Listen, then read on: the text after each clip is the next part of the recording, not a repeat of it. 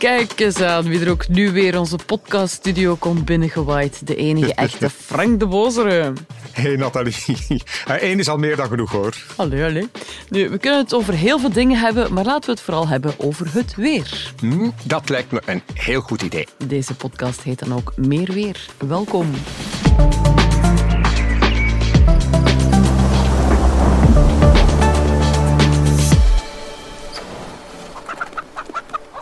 En daar zit Frank weer aan zijn raam. En de winter die kabbelt verder. En de kou lijkt alweer heel ver weg. Het is bijna Mooi. poëzie. Ja?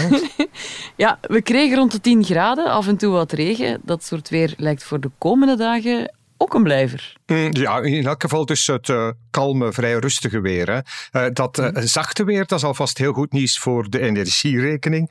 En niet onbelangrijk, we hebben al meer dan een uur meer daglicht dan op de kortste dag van het jaar. En, Alright. Nathalie, ja, elke Ja. dag komen daar nog eens drie minuutjes daglicht bij. Alsjeblieft. Ah, U vraagt, wij draaien. Ja. Maar het is wel een beetje te vroeg om elke dag ook warmer te laten worden. Hè? Ja, maar kijk, ook daar doen we iets aan. We gaan de volgende dagen een eh, groot Europees hoogdrukgebied verwelkomen op de weerkaarten. Dat brengt die rust en ja, briesje uit het zuiden. Hm, het ziet er lang niet slecht uit. Hoe ziet het eruit? Dit weekend bijvoorbeeld. Eh, wel, laten we beginnen met eh, vrijdag voor de middag nog eventjes op de tanden bijten. Een regenzone die voorbij komt. Maar daarna, in de loop van vrijdagnamiddag zeker, droog weer, flink wat zon, graad of 11. Nog wel een beetje wind uit het westen.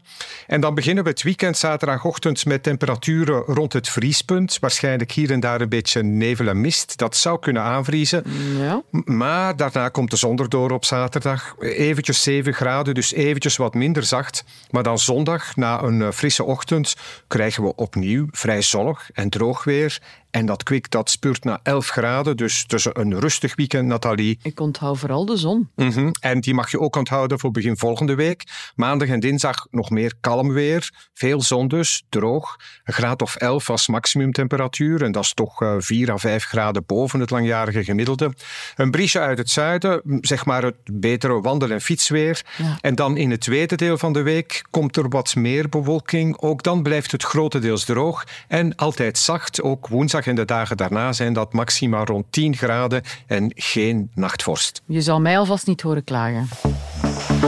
Oké, vrij rustig weer. Nu wat wel opvalt, de keren dat we deze week aan onze kinderen hebben gezegd, die op de fiets sprongen richting school, van let op voor de wind. Hè, want die Mhm. kwam toch vaak ineens een beetje vanuit het niets eigenlijk. Van die windstootjes onderweg. Hoe werkt dat precies? In feite, eh, wind is niks anders dan lucht die zich verplaatst. En, en, en we weten dus, die wind die waait in wijzerzin uit een hoge drukgebied en in tegenwijzerzin naar een lage drukgebied toe. Eh, voorbije dagen en weken hebben we dat dikwijls gemerkt. Het was een komen en gaan van lage drukgebieden, zeg maar de diepe depressies à la Babbitt, eh, Kieran, Isha, Jocelyn nu. Allemaal net ten noorden van België. Dus kregen we geregeld die felle zuidwestenwind. Dat is in feite niks ongewoons. Dit is de periode van het jaar met een grotere kans op stormen. Eh, het is niet voor niks dat december, januari en februari de maanden zijn met de grootste gemiddelde windsnelheid. Maar dan, Ja, ja, jouw, eh, jouw rukwinden. Bovenop dus de strakke wind komen er dan nog eens die gemene rukwinden bij. Heel eventjes de wind die fel uithaalt en die je als fietser soms in het decor doet belanden. Je hebt het al meegemaakt. Ehm, er zijn eh, een heleboel luchtbewegingen naar boven en naar beneden toe. We denken dat de wind altijd waait van, van, van links naar rechts, bij wijze van spreken, of van west naar oost. Maar die waait soms ook naar boven en naar beneden. En als die wind dan nog eens wordt tegengehouden door een gebouw of zo, dan moet hij daar ook rond of dan moet hij daar boven. Eh, dat allemaal, dat doet de wind soms heel vreemde buitelingen maken. Eh, concreet aan de kust, daar hebben ze geen obstakels. Dus daar is er de grootste gemiddelde windsnelheid. Eh, in december vorig jaar in Zeebrugge zelfs een gemiddelde windsnelheid van 32 km per uur. De rukwinden daarentegen, die zijn heel plaatselijk. Hè. 60, 70, 80, soms veel meer. Uitzonderlijk een tornado het- met dan heel zware windsnelheden. Atja, ja, we hebben daar een van de vorige podcasts hebben het daar nog over gehad, denk ik. Hè? Juist. Uh, maar dus als ik het goed begrijp, als je ergens woont waar veel hoge gebouwen staan, heb je sneller kans op dat soort windstoten. Ja, wel, dus als je een toertje uh, onder de toren maakt uh, bij de kerk, dan weet je soms dat het dat soms heel fel kan uithalen. Of ja. langs, bijvoorbeeld als je op de dijk bent en dan zo een dwarsstraatje passeert net naast de dijk, dan, dan voel je ja. soms dat dat ja, heel snel kan, kan veranderen. Ja, en, en hoe, hoe kan je dat inschatten? Ik weet, je hebt je weerkaarten, maar hoe kan je nu inschatten wanneer dat minder of meer gaat worden?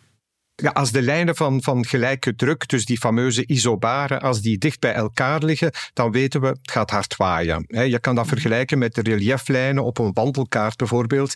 Liggen die dicht bij elkaar, dan weet je, wow, dit is een, steile helling. En, misschien niet onbelangrijk, eh, er is een groot verschil in eh, windstijlheid tussen dag en nacht. Uh, overdag, ja? ja? Ja, ja, overdag warmt de zon de lucht op. Die warme lucht die stijgt en dat veroorzaakt nogal wat extra luchtwervelingen.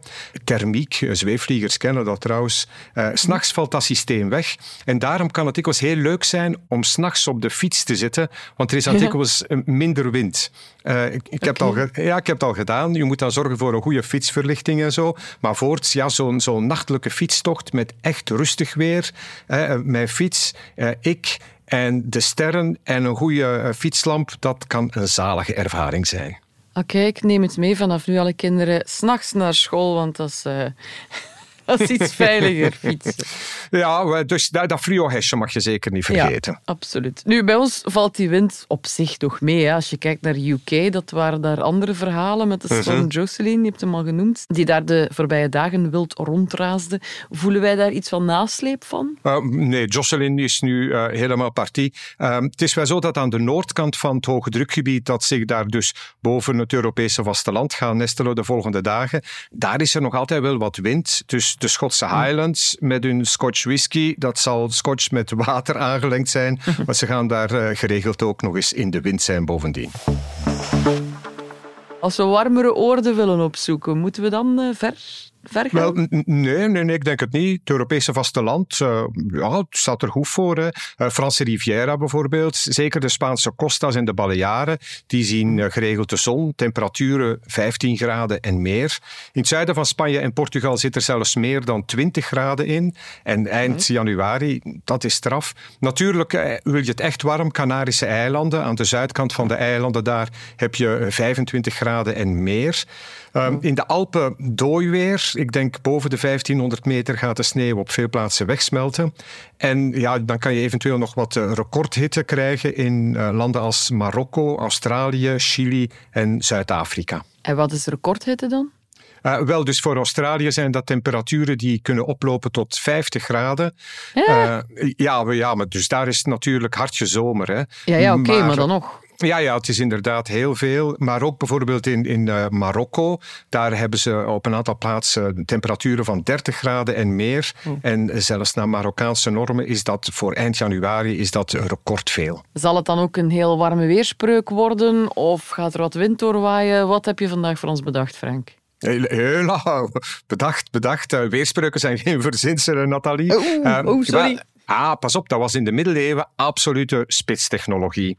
Dus uh, een goede prognose was toen dikwijls het verschil tussen hongersnood en, en zeg maar een, een vetboerenjaar. Dus geeft januari een sneeuwtapijt, dan zijn we gauw de winter kwijt. Dus ja, het wordt 1-1, want ik geef het toe, deze weerspreuk moet het vooral van zijn rijm hebben. Tapijt, kwijt.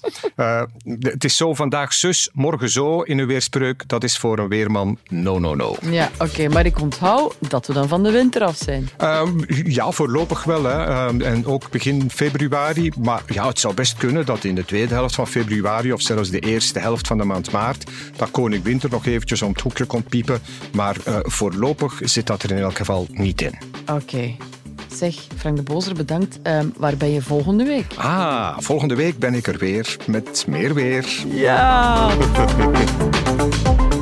Dit was een Meer Weer, een podcast van Nieuwsblad in een productie van mezelf, Nathalie Delporte, muziek en montage House of Media.